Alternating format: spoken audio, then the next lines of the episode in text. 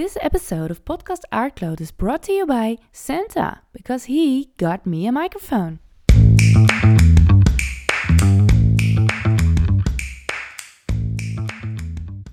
Joejoe, we zijn inmiddels alweer bij aflevering 2 van Podcast Aardkloot. Fijn dat je er weer bent. In de vorige aflevering ging ik samen met Robin van Weghem heel erg de diepte in over de cosmetische industrie. En dan met name wat er eigenlijk nou allemaal zit in onze smeerseltjes. We zijn zo flink wat wijzer geworden en hopelijk wat bewuster met de spullen die je in huis haalt en ook op je gezicht en op je lichaam smeert. Oftewel, ik sta nu nog langer in de winkel etiketjes te lezen. Al winkel ik momenteel natuurlijk vooral online. En zou je denken dat ik dus extra de tijd heb om eens goed in de ingrediënten te duiken. Maar toch trapte ik er weer in.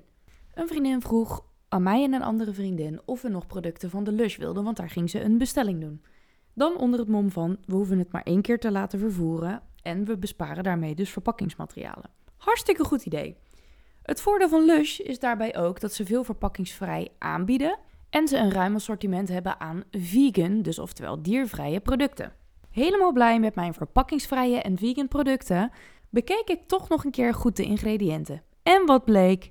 In mijn shampoobar zit SLS, sodium lauryl sulfaat. Oftewel een fucking agressief schoonmaakmiddel. Vaak op basis van palmolie of aardolie. En dit is ook nog eens een keer het grootste bestanddeel van heel het product. Kak. Oftewel, ga terug naar start. Ik moet je bekennen, de moed zakte wel een klein beetje in mijn schoenen. Maar de rasoptimist in mij zei: Let the journey begin. Oké, noem me veel eisend, maar ik ben dus op zoek naar producten die geen schadelijke of chemische ingrediënten bevatten, die volledig diervrij, oftewel vegan zijn, geen plastic en microplastics erin hebben zitten, die duurzame verpakkingen of het liefst nog helemaal geen verpakkingen hebben en die ook nog eens een keer op een goede manier worden gemaakt. Dit is dus wel een kleine uitdaging. Maar gelukkig steek ik al mijn tijd erin, zodat ik jou kan helpen om het even kort voor je samen te vatten. En dit terwijl je het gewoon kunt afluisteren tijdens je dagelijkse wandeling, je lekker aan het stofzuigen bent of gewoon lekker op je gat zit. Ik wil even beginnen met de term natuurlijk. Zodra je dit leest of ziet of hoort, alsjeblieft laten de alarmsignalen in je hoofd gaan rinkelen. Want als ergens de sticker natuurlijk op staat, denk jij al gelijk: Oh, dit is een duurzaam product. Op deze naïviteit speelt de cosmetische industrie dus ook heel graag in. Zo zijn natuurlijke producten lang niet altijd diervrij en zit er vaak palmolie in of wordt er rozenwater gebruikt, wat allebei geen duurzame ingrediënten zijn. Voor de winning van palmolie worden grote delen van oerwouden gekapt en voor rozenwater en het kweken van rozen wordt heel veel water gebruikt. Ook de term mica zie je heel vaak terug. Mica is een natuurlijk glansmiddel, wat dus in heel veel make-up bijvoorbeeld wordt gebruikt. Het kan dan wel een natuurproduct zijn, maar de winning ervan is kankerverwekkend en in India wordt er veel kinderarbeid hiervoor gebruikt. Diverse merken stappen inmiddels over op een synthetische variant van de mica. Maar de term synthetisch zegt eigenlijk al genoeg. Dus daar kun je ook weer je vraagtekens bij zetten in hoe duurzaam dat is. Ah! En nu? Dat ik het even niet meer weet. Ja, theatrale Thea hier zo. We gaan gewoon verder met de zoektocht naar wat dan wel. Nou, heel simpel. Gewoon water op je bakken smeren. Grapje natuurlijk. Aan de hand van vijf stappen praat ik je er doorheen hoe je het nou eigenlijk anders kan gaan doen.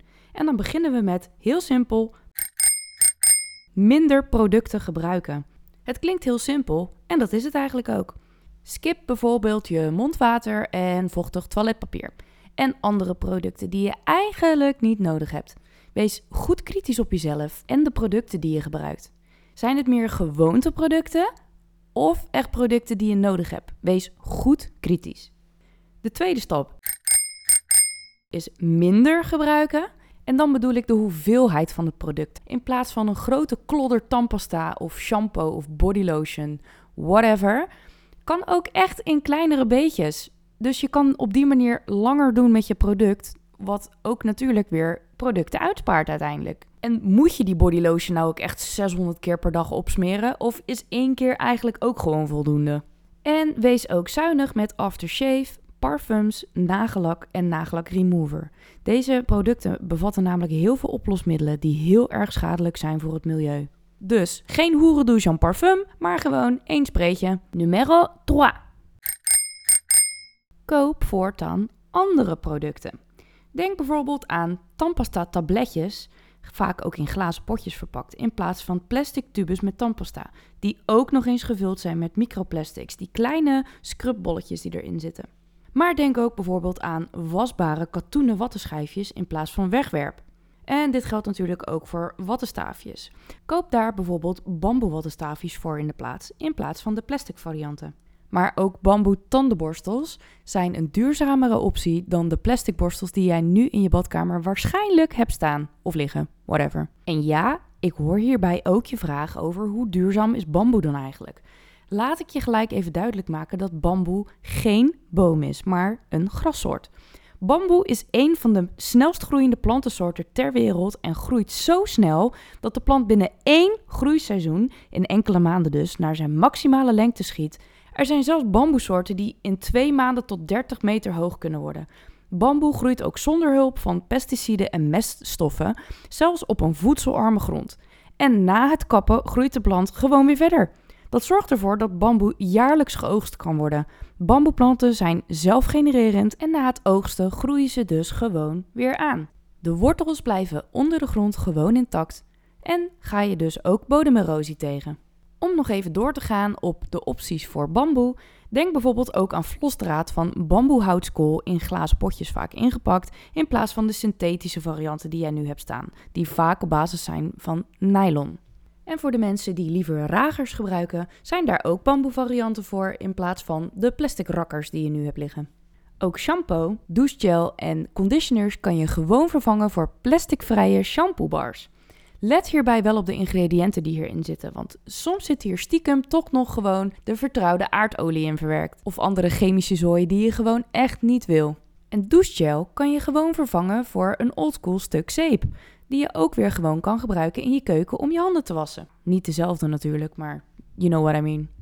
Ook van je scheermes bestaat er echt een duurzamere variant, veelal bekend onder de naam Safety Razor. Dit roestvrij stalen beest vervangt dus al jouw plastic wegwerpscheermessen en ziet er echt fucking vet uit. Dit is echt zo'n vintage ding wat je gewoon in een random barbershop vindt. Dus het staat ook nog eens gewoon heel vet in je badkamer. En je hoeft dus alleen de blades, oftewel de messen, te vervangen. En wat ik nog een groot voordeel vind, is dat ze veel scherper zijn dan de plastic wegwerpscheermessen.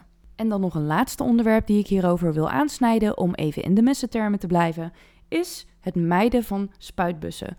Deze zitten namelijk vol met drijfgassen die heel schadelijk zijn voor het milieu en bijdragen aan de vorming van smog, wat je natuurlijk gewoon echt niet wil. Hier zijn echt alternatieven voor. Koop bijvoorbeeld in plaats van een spuitbusdeo een rolbare of smeerbare deodorant.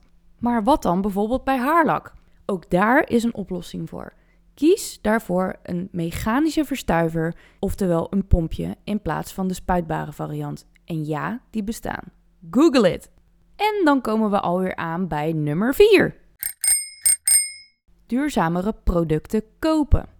Ik som hier even een aantal varianten voor je op, zodat jij weet waar je voor je volgende aankoop voor je verzorgingsproducten een duurzamere variant kunt kiezen. Maak vooral op wat je nu hebt, maar hou in gedachten dat er dus merken zijn waar je dus voor duurzamere producten terecht kan, die beter voor jou zijn en voor de wereld om je heen. En bespaar ik je zo'n faalactie als ik dus had bij Lush. Maar dit betekent dus wel dat je even uit je vaste patronen en gewoontes moet stappen. Want de meeste mensen om mij heen hoor ik altijd over: ja, maar ik vind dit zo'n fijn crèmeje. Of ja, maar dit, ja, maar dat.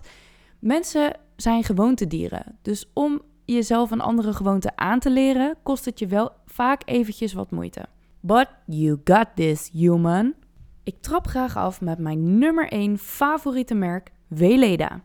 Alle producten van Weleda zijn biologisch geteeld, eerlijk verkregen en milieuvriendelijk geproduceerd. Al in 1921 werd Weleda opgericht door de Zwitserse filosoof en natuurwetenschapper Dr. Rudolf Steiner en de Nederlandse Dr. Ita Wegman een gespecialiseerd vrouwenarts. Vanuit de denkwijze dat het lichaam zelf kan helen, maar daarbij wel een beetje hulp kan gebruiken, wilde zij een programma oprichten waarbij natuurlijke producten dit herstelproces ondersteunen. Nu, dik 90 jaar verder, is deze denkwijze nog steeds een belangrijk onderdeel van de werkwijze bij Weleda. Al vanaf het begin van het productieproces wordt er nagedacht over de gevolgen die de productie voor het milieu kan hebben. Zo zijn de ingrediënten enkel afkomstig van biologische teelt of gecontroleerde wildpluk, om zo de biodiversiteit en verscheidenheid van planten en dieren te waarborgen. Daarbij wordt erop gelet dat de grond zo gezond en vruchtbaar mogelijk is en worden ecosystemen beschermd. De volgende stap in het productieproces is het verwerken van de grondstoffen tot een product. Hiervoor zijn de hulpbronnen water en energie nodig. Weleda probeert zo duurzaam mogelijk met die hulpbronnen om te gaan en maken daarbij zoveel mogelijk gebruik van hernieuwbare energie. Maar ook het vervoeren van producten denken ze heel goed over na. Wanneer de producten vervoerd worden, gebeurt dit in dozen met versnipperd karton of natuurlijk vulsel uit aardappelzetmeel, een volledig composteerbaar materiaal. De bestelauto rijdt op aardgas en in het magazijn zelf wordt enkel met LED-verlichting gewerkt om energie te besparen. In het proces van plantje tot product wordt dus aan elke stap gedacht om zo ecologisch duurzaam mogelijk te zijn. En last but not least, natuurlijk de ingrediënten en daarmee de kwaliteit van de producten. Wat doen ze bij Weleda nou zo anders? Weleda heeft een aantal kwaliteitslabels waarmee je dus van een aantal dingen uit kan gaan. De labels zijn van Natrue of Natrue, een EU-kenmerk voor biologische productie en het lidmaatschap van de Union for Ethical Biotrade, de UEBT. Wanneer je Natrue label op een product ziet staan, ben je van een aantal dingen zeker. Allereerst is het product dan uitsluitend gemaakt van 100%, daar komt ie, natuurlijke ingrediënten. Maar Natrue ziet erop toe dat het volledige productieproces mens- en natuurvriendelijk verloopt en dat producten niet getest worden op dieren. Verder zijn alle producten van dit label vrij van synthetische geur, kleurstoffen en bewaarmiddelen, siliconen of afgeleiden daarvan, afgeleiden van petroleum, genetisch gemanipuleerde ingrediënten en is Natrue het strengste internationale keurmerk voor de natuurcosmetica. En om weer even het bruggetje te slaan naar natuurlijk, ik kies hier dus eigenlijk alleen producten uit die geen dierlijke ingrediënten bevatten. Dus geen honing, geen wolvet, wat dan ook. En een kleine kanttekening die ik hierbij wil maken zijn de verpakkingen. Een groot deel van de verpakkingen zijn namelijk nog steeds gemaakt van plastic. Ondanks dat het van 100% gerecycled materiaal is gemaakt en ook weer 100% recyclebaar is, koop ik liever als ik de keuze heb geen plastic verpakkingen meer. En Weleda zegt dat ze hard aan het werk zijn om alternatieven te zoeken, zoals bioplastic, om dus de gerecyclede plastic verpakkingen te gaan vervangen. Daar ben ik helemaal voor. Maar wat ik dus wel goed merk, is het verschil bij Weleda en andere producten, is dat mijn zeer gevoelige huid altijd goed reageert op Weleda. Ik heb bij bijvoorbeeld dagcrempjes van andere merken bijna altijd een hele rode uh, pijnlijke huid. Dat het ook trekt, dat het uitdroogt. Nou, dat mijn huid voor mijn gevoel soms half afsterft, dat ik rode vlekken krijg. Dat heb ik dus bij Weleda nooit. Oké, op naar de volgende merken. Naast Weleda zijn ook Akin, Naive, Australian Organics, Antipodes, Attitude, Alba Botanica, Benecos, Sante, Bentley Organic, Zoya, True Earth, Sukin, Skin Blossom, Lavera en Saucura hele goede merken. En voor specifiek make-up producten is Boho Cosmetics een heel goed alternatief. Dit zijn allemaal biologische ingrediënten en het is ook nog eens een keer goed betaalbaar. Het is veelal vegan en de verpakkingen zijn goed recyclebaar. Via onder andere Douglas kun je deze producten kopen. Check ook vooral hun nagelak. En ook van de vorige merken wil ik er nog eentje even uitlichten. Dat is Naïef. Zij hebben ook voor baby's en kinderen enorm goede verzorgingsproducten. Mijn badkamer staat er ook vol mee voor mijn zoontje. Ook is hun zonnebrand heel erg fijn. En dan komen we alweer aan bij het vijfde onderwerp van deze podcast. Zelf verzorgingsproducten maken, oftewel do it yourself. Om te starten is het handig om je glazen potjes te bewaren, zodat je hier je eigen producten in kan stashen daarna. En geloof me, hoe meer je je eigen er eigenlijk in verdiept, besef je dat je alles zelf kan maken. Wat ik vooral veel doe, is mijn eigen droogshampoo maken en mijn eigen scrub. Maar eigenlijk kan je online alles vinden wat je maar wil maken. En het is vaak echt nog makkelijker dan je denkt. Oké, je eigen scrub maken. Wat je ervoor nodig hebt is een vers gezet lekker bakje koffie en dan niet de koffie zelf, maar de koffieprut of koffiegrom ervan bewaar je. Dit meng je vervolgens met, als je wil, nog een beetje kokosolie. Dit doe je lekker in een potje, sluit je luchtdicht af en je kan dit nog best zeker wel een maand bewaren. En als je jezelf even bekijkt erna in de spiegel met die koffieprut op je gezicht, zie je eruit als een gecamoufleerde warrior. Go get him, tiger. En dan voor de mensen onder ons die leven op droog shampoo. De moeders die geen tijd hebben om hun haar te wassen. De carrière-tijgers die ook geen tijd hebben om elke dag hun haar te wassen. Of gewoon de mensen die er duurzaam bij stilstaan en daardoor hun haar niet elke dag wassen. Heb ik hier dus de oplossing voor je droog shampoo in een handomdraai. Wat heb je nodig? Maizena. Dat. En voor de brunettes onder ons kan je er wat cacao doormengen. That's it. Easy peasy lemon cheesy. Dit waren mijn tips voor een duurzamere cosmetica lifestyle. Ik zal ook de merken en dingen die ik in deze podcast benoem nog eventjes opsommen in uh, een Instagram post.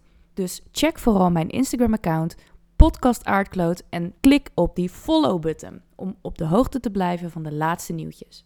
In de volgende podcastaflevering gaan we in gesprek met de founder van The Lekker Company. En wat zij te zeggen heeft? Hou de volgende aflevering in de gaten. Check je later!